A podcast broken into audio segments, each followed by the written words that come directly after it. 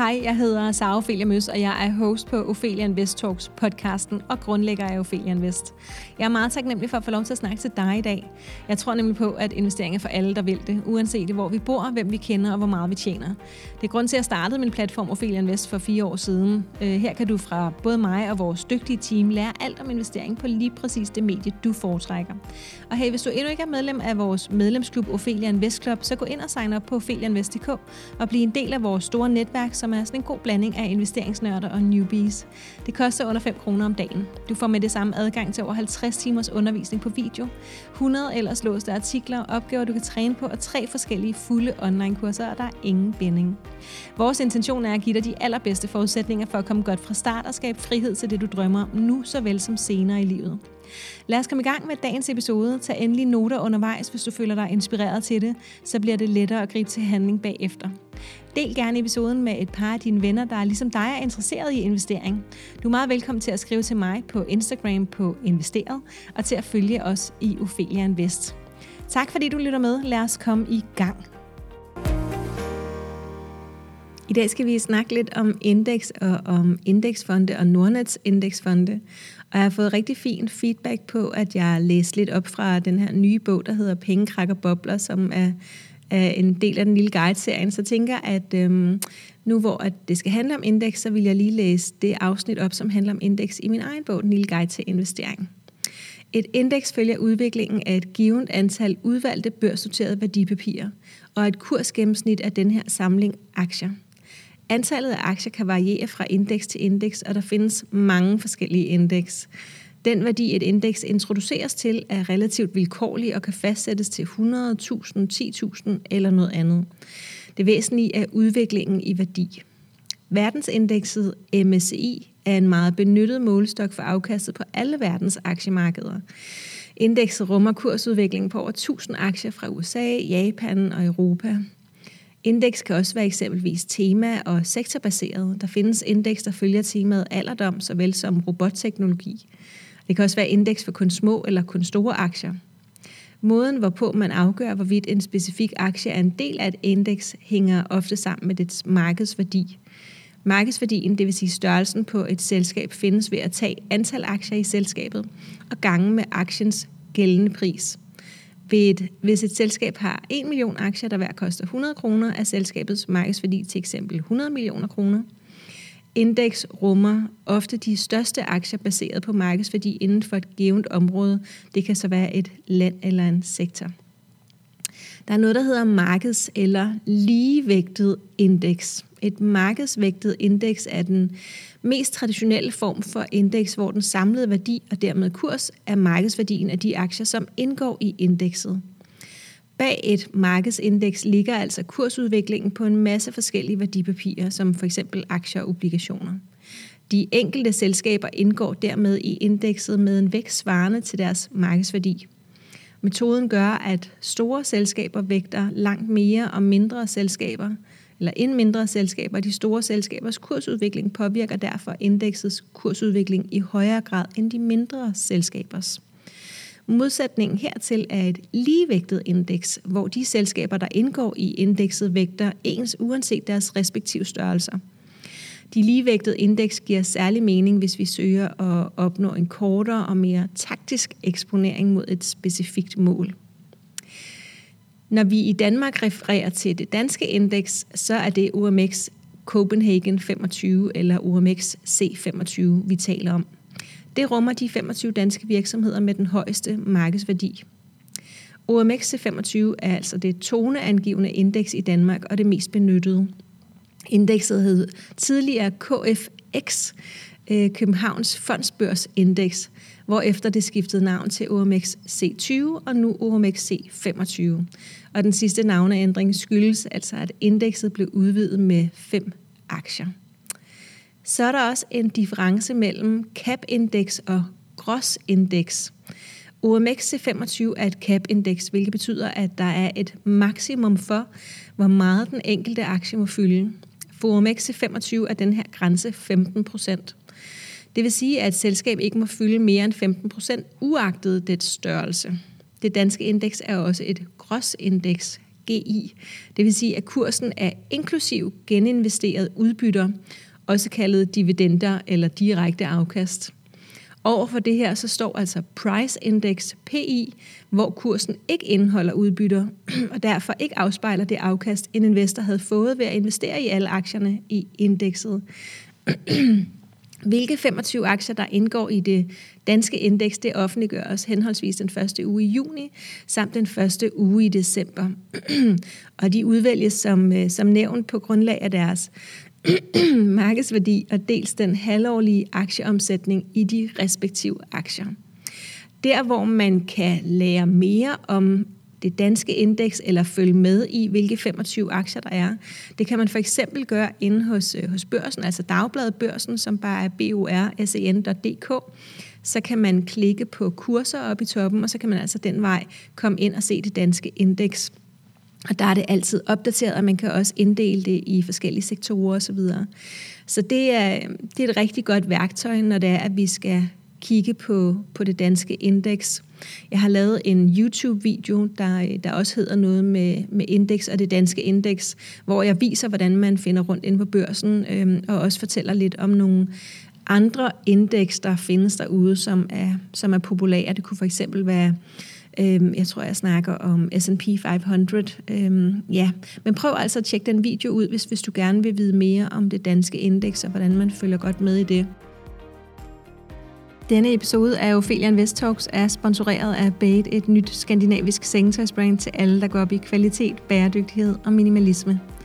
Abate er skabt af piloterne Christian og Leo, der efter at have sovet på hotel over hele verden, var skuffet over kvaliteten af det sengetøj, de mødte på deres vej. De trak i iværksættertøjet og udviklede Abate, en utrolig smuk serie sengetøj lavet af håndplukket egyptisk bomuld. Sengetøjet er tyndere og blødere end almindelig sengetøj, men stadig mere holdbart. Og så er det hele økologisk certificeret. Vævning og syning foregår i Portugal, og de to piloter har stort fokus på korte produktionsruter.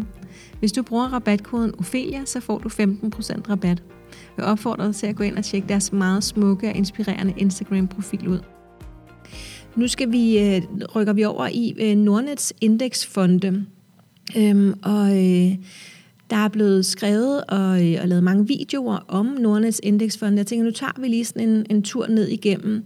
Og øhm, det her, det er faktisk en artikel, som du også kan læse inde på vores hjemmeside, der simpelthen øh, bare hedder Fordele og ulemper ved Nordnets egne indeksfonde. Men øhm, jeg tænkte, det er meget fint lige at have den på lyd her også. Og øhm, på Nordnet, der kan vi som investorer købe ind i seks forskellige fonde, som er Nordnets indeksfonde. Og øhm, de har rigtig mange fordele, og så er der også nogle opmærksomhedspunkter, som er gode at sætte sig ind i og tage aktiv stilling til, inden vi handler. Og, øhm, og det vil jeg altså prøve at give lidt overblik over her nu. Så der er seks af dem. Egentlig kom der først fem ud, og, øh, og så kom der en ekstra. Og de følger henholdsvis øh, Danmark, Europa, USA, et globalt, øh, og så er der nye markeder, og så teknologi, og det er teknologi, der var den nye, der kom, der kom til.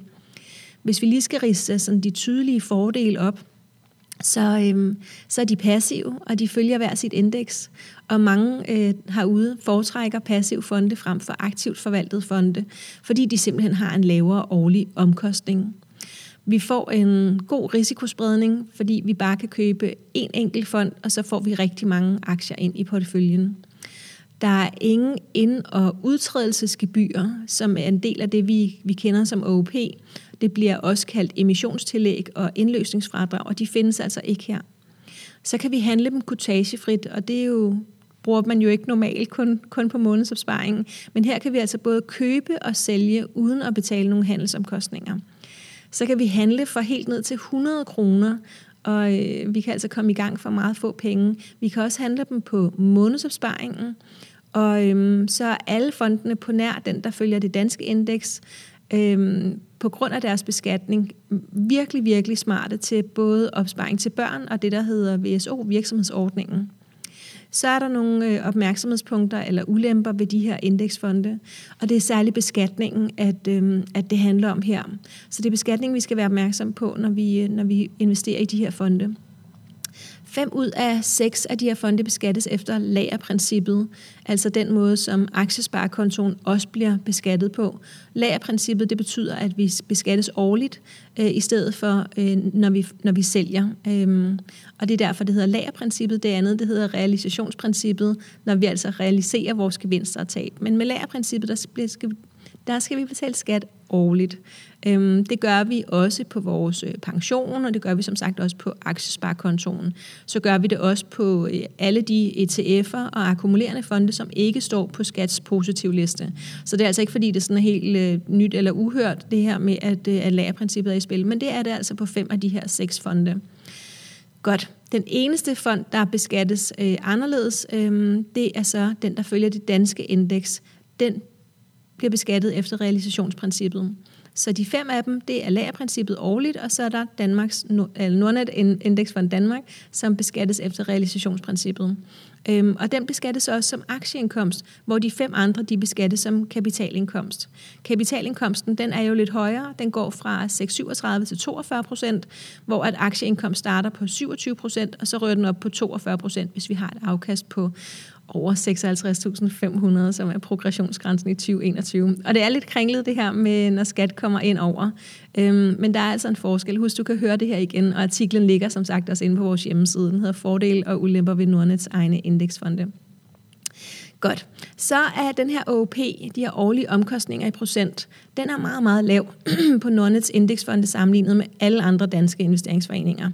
Øhm, det, vi kan ikke sammenligne sådan lige en til en, fordi mange af de danske investeringsforeninger, som følger samme indeks, de vil have en højere OP, men beskattes så øh, ofte som aktieindkomst, altså de er 27 procent, medmindre vi har haft et stort realiseret afkast det år, så er det 42 procent. Øhm, ja, og så beskattes øh, de typisk først, øhm, når det er, at vi realiserer vores gevinster og tab, og altså ikke årligt. Hvis vi investerer fra et pensionsdepot, så er Nordnets indeksfond et bedre valg målt på OOP'en sammenlignet med de danske investeringsforeninger, fordi alt her bliver beskattet efter sammensats og efter lagerprincippet. Alt skat på pension, det er 15,3 procent, og det er alt sammen efter lagerprincippet. Her der kan vi også øh, investere i de ETF'er, der ligger på skats positiv liste, øh, så det vil være øh, en anden mulighed.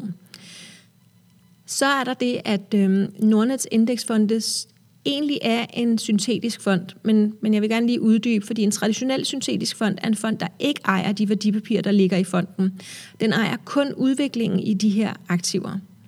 En syntetisk fond, der følger for eksempel det danske indeks OMXC25, vil gå op i værdien, når indekset går op, og går ned i værdi, når indekset går ned. Men går fonden konkurs, så er der ingenting. Og nu går fonde ikke bare sådan lige øh, nødvendigvis konkurs i flæng. Øh, og de såkaldte syntetiske fonde eller tracker-certifikater, som fungerer på samme måde, er ikke nødvendigvis farlige. Øhm, det er meget godt at tjekke, om det er en respektabel spiller, der står bag fonden eller tracker-certifikatet. Og i tilfældet med Nordnets indeksfonde, så er det JP Morgan, der står bag øh, alle fondene med undtagelse af Nordnet Indeksfond Danmark. Men ved alle Nordnets øh, egne indeksfonde, så ligger der aktiver for samme værdi, som fonden rummer i et depot som sikkerhed og vi kan altså maks miste en dags udvikling. Så ikke en traditionel syntetisk fond, øh, og, og langt mindre risikabel. Øh, faktisk så er der ikke øh, den samme risiko overhovedet, som, som hvis det var en traditionel syntetisk fond, fordi der altså ligger værdien i et depot. Øh, yes. I forhold til bæredygtighed, så er der fire af de her fonde, som følger hver sit ESG-indeks, og ESG, det står altså for Environmental, Social and Governmental, så miljøet, øh, det sociale og ledelse. Øhm, ja, eller forretningsetik. Og det betyder, at de lever op til at være de her lysegrønne fonde øh, i forhold til øh, EU's nye disclosure-forordning. Den har vi også skrevet øh, flere artikler om, hvis du synes, at det lyder spændende. Man kan altså være en helt almindelig fond, og så kan man være en lysegrøn fond, der prøver sådan at være ret bæredygtig, og så kan man være en mørkegrøn fond, men så skal man investere specifikt efter en øh, bæredygtig omstilling. Så må man ikke have noget som helst i fonden, som er det mindste ikke grønt. Godt. I forhold til handel og ordreafgivning, øhm, så er Nordnets egne indeksfonde ikke børsnoteret. Og det betyder, at al handel med fonden, det sker sådan øh, mere manuelt. Så hvis vi afgiver vores ordre inden kl. 12.45, så bliver den handlet samme dag til den kurs, vi kan se der, hvor vi handler. Hvis vi afgiver vores ordre efter kl. 12.45, så bliver den handlet dagen efter, inden kl. 12.45 den dag, altså til næste dags kurs. Det kan tage øh, mellem 1 og 5 hverdage, øh, fra vi handler en fond, til den er synlig på depotet. Så ingen grund til panik, hvis vi trykker for køb, og den ikke straks er synlig, øh, fordi vi er jo vant til, at vi kan se det hele med det samme. Men sådan er det altså ikke med de her fonde. Godt. Hvis jeg lige skal prøve at samle lidt op, så er det, øh, det, det, som jeg synes måske er den største fordel, det er, at de er øh, meget tydelige. Øh, der, vi kan næsten ikke gøre noget forkert. Øh, der står præcis, hvad det er. Altså selve navnene er meget tydelige. Ikke? Øhm, de hedder Nordnet Indeksfond Danmark, Nordnet Indeksfond Europa, ESG, Nordnet Indeksfond USA, ESG. Øhm, så, øhm, så det er sådan meget tydeligt. Og så er OP'en jo sådan uhørt lav. På Nordnet Indeksfond Danmark, der er den 0,2 procent. Øhm, Nordnet Indeksfond Europa 0,3, USA også 0,3, global også 0,3. Så de er altså rigtig, rigtig, rigtig lave i, øh, i OP. Øhm, sådan helt øh, skatteteknisk, så er de mega oplagte til opsparing øh, til børn og den her virksomhedsordning. Hvis vi investerer frie midler, så kan andre fonde være skatteteknisk mere hensigtsmæssige. Vi kan købe for helt ned til 100 kroner, øh, også ret uhørt, øh, og betaler altså ingen øh, handelsomkostninger ved hverken køb eller salg, hvilket ikke sker nogen andre steder. Ja, hvis du gerne vil øh, diskutere de her øh, indeksfonde fra Nordnet, så kan du gøre det inde i Aktieklubben Danmark, hvor at, øh, at vi har et opslag, hvor meget af det her også står i, hvor at der øh, er blevet diskuteret i forvejen. Yes. Jeg håber, du blev klogere. Det kan være rigtig rart at have nogen at snakke med om investering, så del endelig de tanker, du har fået i løbet af episoden med et par af dine venner. Måske har du endda lyst til at tage et screenshot af episoden og sende til dem, som du ved synes investering er spændende. Så kan I altid snakke om det, når I ses. Hvis du vil hjælpe mig personligt, så må du mega gerne give os en bedømmelse der, hvor du hører dine podcasts. Det betyder meget for, hvor mange der opdager, at vi findes, øhm, så det hjælper faktisk mere, end man skulle tro, og jeg læser selv alle kommentarerne. Selvom investering kan virke super uoverskuelig, så bliver du automatisk klogere på det hele sammen med os. Det lover jeg. Vi er vildt glade og taknemmelige over at have dig med i vores community i Ophelia Invest, så du er velkommen ind på hjemmesiden opheliainvestor.dk. Hvem ved, måske ligger dit investeringsgenbrud og venter på dig derinde. Og så husk, at vores medlemsklub Ophelia Invest Club er lavet til dig, så du kan optimere dit afkast.